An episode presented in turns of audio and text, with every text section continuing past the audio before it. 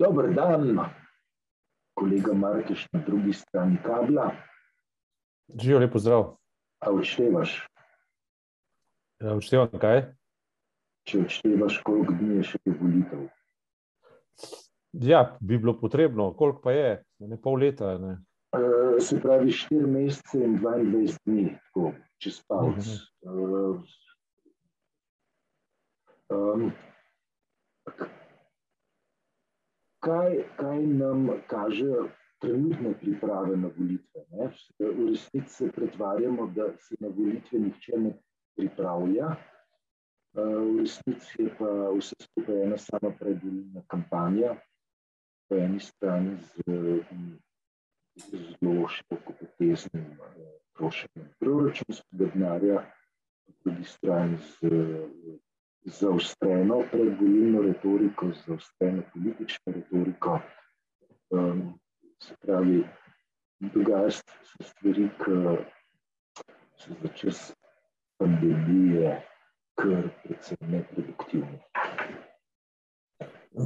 Ja, v bistvu je res to, da glede na to, kako naglo se približujejo volitve, je pravzaprav slišati malo. Ne? Kar pa je videti, je pač to, ne, da pač vladajoča stranka koalicije, to je SDS, ne, kani vse sile skoncentrirati pač vase, koalicijo, kakršno ima zdaj. Ne, in je v nekem danem trenutku zadostovala za to, da je sešila se sredino, ne bo več in zdi se, da pač um, se spušča pač na, neko, na neko odprto morje, uh, stranka SDS namreč in računa na neko novo konstelacijo, v kateri bo lahko sešila vlado, sama zmagala pač ne bo. Um, pri tem ima rahlo, uh, pravzaprav nesrečno roko, pa veliko trenutno spretnost. Nesrečna roka je pač v tem, da je posesala vse, kar je možno posesati na desni. Uh, nekako je uspela spraviti uh, vse, kar je bilo zgodovinsko in tradicionalno zavezniškega pod pojmom desnica, spravo moralno izbankrotirala krščansko demokracijo, ljudsko stranko, katoliško crkvo in tako naprej. Um, v sredini, ki jo organizira, so sile zelo, zelo šibke. Ne? V mislih imam um, SMC, v, v mislih imam pač vse tisto, kar zdaj predstavlja tako imenovani jeziček na tehnici, zelo kakšna bo prihodnost. Uh, vendar uh, se kljub vsemu pač zdi, da je SDS uh, edina stranka, ki uh, kaže neko, neko veliko mero, čeprav holivudsko napihnjene enotnosti. Ne. Na drugi strani imamo pa kar nekaj konceptualnega množstva, ker pač je več teh strank, ki pravijo, da se bodo pač povezale, ampak se seveda postavi vprašanje, ali um, morebitna sestavljanka njihovih sil po volitvah predstavlja uh, že videno pred nastankom te vlade, ali bo prišlo res do neke nove kakovosti. To, to je to je odprta, od, odprta schema, in pa seveda, kako se bo orientiralo volilno telo, ki lebdi nekje vmes. Um, in glede na vsa ta dejstva, ne bi človek pričakoval, da se bo, da se bo dogajalo um, tako na, na očeh javnosti kaj več od tega, kar, kar vidimo. Ne, kar se. Uporabimo težek izraz bankrot, ne, bankrot krščanske demokracije, krščanska demokracija znala eh, pod blagovno znamko Nova Slovenija imela pravkar svoj kongres. Eh, zakaj uporabljaš tako težke besede? Bankrot, moralni bankrot se veliko. Moralni, to ni bankrot, ne vem, so oni finančno bankrotirani, najbrž ne, zlasti potem, ko so bili zdaj v koaliciji. Govorimo o moralnem bankrotu, namreč dokaz za to je samo dejstvo, ne, da se je stranka in v bistvu vse, kar je bilo utemeljenega v desnem in utemeljitev v desno jim nisem, jim nisem pripisal jaz, ampak so si jo pripisali sami. Ne.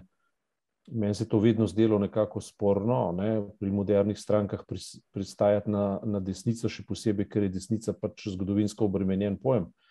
ampak pod tem pojmom, pod katerim so se pač sami označevali in označili, bi napeljeval na to, da se bodo pripojili na politično in narodno tradicijo vse od začetka strank v 19. stoletju. Pri tem upozarjam na intervju v sobotni prilogi z doktor, zgodovinarjem dr. Perovškom, o katerem smo se mi zdi na, na zelo plastičen način orisala, kako je, ta, kako je postajanje slovenskega politikuma v 19. stoletju potekalo. Ja, ampak takrat ne, si je S tedanje na začetku, prvo, kar je šlo za katoliško stranko, potem je šlo za vse slovensko ljudsko stranko, na koncu za slovensko ljudsko stranko, ki, ki je podstat ali baza tradicije uh, SLS-a, krščanske demokracije in nove Slovenije, krščanske demokracije s pomišljajem, uh, tvorilo socialno vprašanje. Se pravi, uh, zmagovita formula um, nove Slovenije zdaj bi pač morala biti, da se pripne na na tanko obratno od tega, kar danes neoliberalizem predstavlja. Ne samo liberalizem, ampak neoliberalizem celo. Ne? Stranka NSI se je, kar je deloma, ampak zelo v blagi obliki, možno zaslediti tudi v, kot rečeno, zelo blagi polemiki med Ljudmilo Novak in Toninom, ne? obrnila v radikalno neoliberalno smer. Postala je tako rekoč stranka kapitala, postala je stranka vseh sort privatizacij in to je natanko nasprotje od tega, kar je zgodovinska ozornica počela. Ne, v tem vidim moralni bankrot. Pri cerkvi, pri cerkvi je pa enako. Ne, mislim, to težava, ki jaz vidim pri Novi Sloveniji, je, da je kot svojega paradnega konja vzela ministrstvo za obrambo, In um, v predvolilnem času se ukvarja z tem, kot je recimo nabava uh, kar nekaj deset milijonov evrov vrednega transportnega letala. Nisem strokovnjak za obrambne zadeve, ne vem, pa te letalo potrebujemo ali ne. Sporočilo, ko predsednik stranke največ pozornosti in dragocenega časa namenja vojaški logistiki, ne pa rečem, kaj se dogaja znotraj meja Slovenije, se mi zdi pa največ. Ja, sej, če govorimo o moralnem bankrotu, se ne smemo ostati le pri desnici, ne, oziroma pri tem, kar je ostalo od tistega, kar, je, kar bi naj bilo desno od Janša, ne? ker Janša je zdaj um, v bistvu skrajno desno postal. Pravi, so oni kakorkoli že levo od Janša, ampak se treba ozreti tudi po tistem, kar, kar naj bi reprezentirala levica. Ne? Samo dejstvo, da je stranka levica, ki ima uh, v teoretsko in pa načelno stvari nekako, uh, če v lepi slovenščini rečem, pošlihtano, uh, se pravi, zastopa stališča, ki pripadajo levici, v oči bode dejstvo, da stranke, ki prisegajo na to, da so leve, se prvo, kar je levice, sramujejo, jo odrivajo od sebe in um, jo označujejo, da je uh, pač stranka, ki ne razume, um, kako ne rečem, občutljivosti ekonomskih parametrov in situacij, in tako naprej. Skratka, levica v ne v legi ne, ne stranke levice, to je tiste, ki je pač deklarirana kot stranka levice, je ravno tako v moralnem bankrotu, da ne bo nikakršne pomote. Še posebej zato, uh, ker je na enak način kot Nova Slovenija položila orožje pač pred kapitalom in je to v obratnem sorazmerju z tem, kar, uh, kar slovenski državljani. In v govorici 19. stoletja slovensko ljudstvo pač potrebuje. Ne. Se pravi, ne gre za to, da bi se da bi slovenski politikom odklanjal um, sodobno realnost ali pa stvarnost, ki je pač na tanko takšna, kakršna je, in v glavnem vsi analitiki sveta ugotavljajo, da je v krizi, ampak uh, da bi določili diferencijo, specifiko, ki je slovenski politikum in, ima. Ne. In kot je videti, slovenske stranke uh, po večini um, iz svojih konceptov izpuščajo na tanko ta vidik, ki jih dela drugačne od vseh drugih pač svetovnih političnih gibanj. Ne. V tem je neko siromašenje in spet, kot rečeno, vidim v tem tudi bankrot, moralni bankrot slovenskega politikuma, kar nas vodi spet v vprašanje, kakšne so alternative. Kakšne so alternative in o teh alternativah, oziroma o tem osrednjem vprašanju, se vedno sprašujemo odkole. Kakšne pol leta pred volitvami, in pa potem ob volitvah, ker je trušč propagande zamegli koncepte.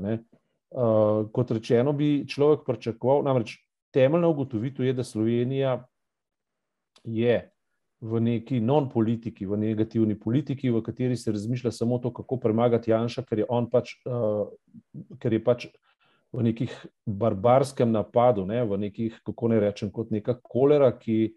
Uh, uh, napa, ki, kate, mislim, njegova stranka zdaj napada praktično vse, kar je ostalo še vrednega v državi, in to poskuša poprivatizirati ali pa spraviti pod svoj vpliv, vpliv svoje lastne moči. Uh, Uh, in zato se vsi, ki mu bodi si uh, to hočejo preprečiti, ali pa mu potiho celo zavidajo, ne, uh, ukvarjajo s tako imenovano non-politiko, se pravi, kako zagotoviti sile, da bi Janša ustavile, da bi ustavile pohod te pandemije, pandemije v smislu vse slovenske epidemije, politične epidemije, uh, da bi se to končalo. Ne, ne, ne razmišljajo pa o tem, kaj zagotoviti, zato da bi Slovenija dobila neko novo afirmacijo. Ne. Slovenija je imela že svojo afirmacijo, zelo, jasno, uh, zelo jasen pogled v svojo prihodnost, tako v 19. kot v 20. stoletju. Ne.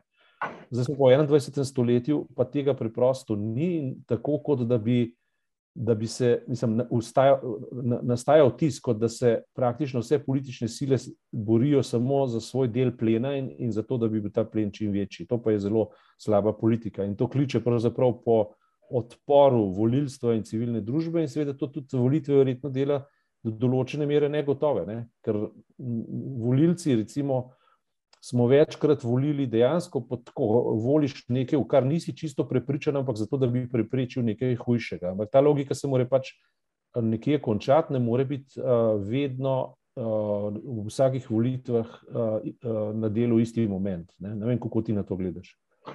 Um, da, jaz mislim, da si tlem idealistični, preveč pričakuješ od politike, veliko preveč jaz mislim, da je treba na volišče z realizmom.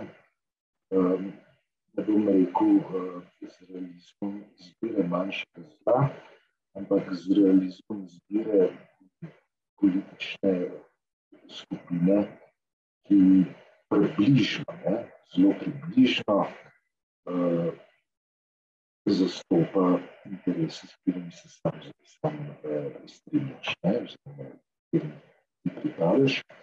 Težava, ki jo vidim v naslednjih mesecih, je med drugim tudi, kako bo organizirana predstavitev, ne, predstavitev programov, manevri, ki se odvijajo okrog javne RTV hiše, kažejo na to, da bi se predvolilna kampanja preselila na drugi program, uh, ker je uh, v 30-letni več zgodovini tradicij spremljanja volilnih kampanj orjaški predsednic. Ob tem ne, pa nam vršilec dožnosti direktorja TV hiše prodaja da uh, mora televizijski program ustrezati interesom davkoplačevalcev. Dejansko plačujem naročnino za TV program, uh, samega sredinina za davkoplačevalce tudi za državljana. In uh, televizijski program ne servisira davkoplačevalcev, ne servisira potrošnikov, pač pa servisira državljanke in državljane. So relativno velike razlike, zaradi domnevnih nizkih uh, odstotkov gledanosti uh, informativnega programa, naj bi ta selitev na drugi program pravzaprav predstavljala neko čarobno palečko, ki bi pravzaprav rešila. Uh, jaz mislim, da je učinek že pričakovan in ugrajen v to selitev, pravzaprav ta, da bo možnost razprave o volilnih programih v prihajajočem letu še manjša, da bomo še bolj priča predvolilnemu spektaklu in še manj priča nekim, nekim resnemu podajanju odgovorov, ki pa bi jih državljanke in državljani pred volitvami morali slišati. Jaz na nacionalni televiziji, kot nekdo, ki plačuje, bodi si kot državljan, bodi si kot davkoplačevalec, pač nacionalno televizijo, zase ne najdem praktično ničesar več. Praktično ničesar več. Ne. Sesuvanje medijev je sestavljen del politikuma in sestavljen del tega, da je to logiko treba ustaviti. Ampak na drugi strani um, je pa televizija za svojim nenehnim političnim prilagajanjem v zadnjih treh desetletjih storila popolnoma vse, da se, da se je spravila v tak položaj. Uh, in tako je na vseh segmentih. Je, mislim, da, da nekaj malega avtonomije je zaslediti pač na univerzi, uh, nekega kulturna scena, ki je v bistvu držala v gledalo politiki, je praktično propadla, je tudi moralno bankrotirala iz uh, novorevijaških krogov, ki je nekoč tradicionalno nastavljala ogledalo oblasti in ideologijam, so, uh, najdemo praktično en sam konformizem. In intelektualci so lepo potihnili, ker se je na koncu postavil vprašanje, so sploh kdaj resno mislili, razen svoje koristi. Na kje intelektualce tukaj misliš? Nove revije sem zdaj rekel. Okay. Uh, drugi intelektualci, ki se oglašajo, bodi si niso slišani, in tisti, ki imajo kaj povedati, uh, dobro, občasno dobijo besedo, zlasti zaradi požrtvovalnosti nekaterih novinarjev, ki pač hočejo delati avtonomno, vendar uh, v bistvu samo v obliki soli in popra, na jedi, ki je sicer preobilna in je neokusna. Ne. Skratka, stanje v državi, uh, tukaj se pač ne moramo sprenevedati, je je take vrste, da dejansko da je negativno. In to negativno v, v dveh smerih. Pač negativno kot non-politika, in konec koncev tudi negativno v smislu brez alternativnosti. In zato Slovenija dejansko potrebuje novo afirmacijo. Potrebuje nov vzgon, neke organizacijo, nekega smisla, nekega eh, mladostnega zagona. Če tako rečem, se to sliši še tako naivno in še tako neumno, je vendar Slovenija to že večkrat premogla. Premogla je uh, v času pomladi narodov, premogla je v okrog leta 18, ko, ko je nastajala no, prva Slovenija, oziroma kar je iz tega vam prišlo SHS v dveh oblikah. Slovencov, Hrvatov in Srbov, potem Srbov, Hrvatov in Slovencov, ko je nastala prva Jugoslavija, potem po drugi svetovni vojni in na koncu, koncu 80-ih let. Ne, vse to v teh zadnjih procesih smo bili tudi soodeleženi in vemo, kako je to bilo. Uh, in vemo, kaj je, kaj se, kaj je danes uh, stanje, uh, ne samo duha, ampak tudi materialno stanje. Mi smo ta trenutek v inflaciji, smo v, v dragini, uh, porivani po nekih uh, zunanjih šokih, ki vedno najdejo svoje razloge, zato da potem na koncu držijo produkte. Ne, enkrat je COVID, enkrat je, enkrat je to, da, se, da so se banke sesedle. Uh, zdaj se pogovarjamo o tretjem valu, uh, ne o tretjem, četrtem ali petem valu, skratka o tem omikronu.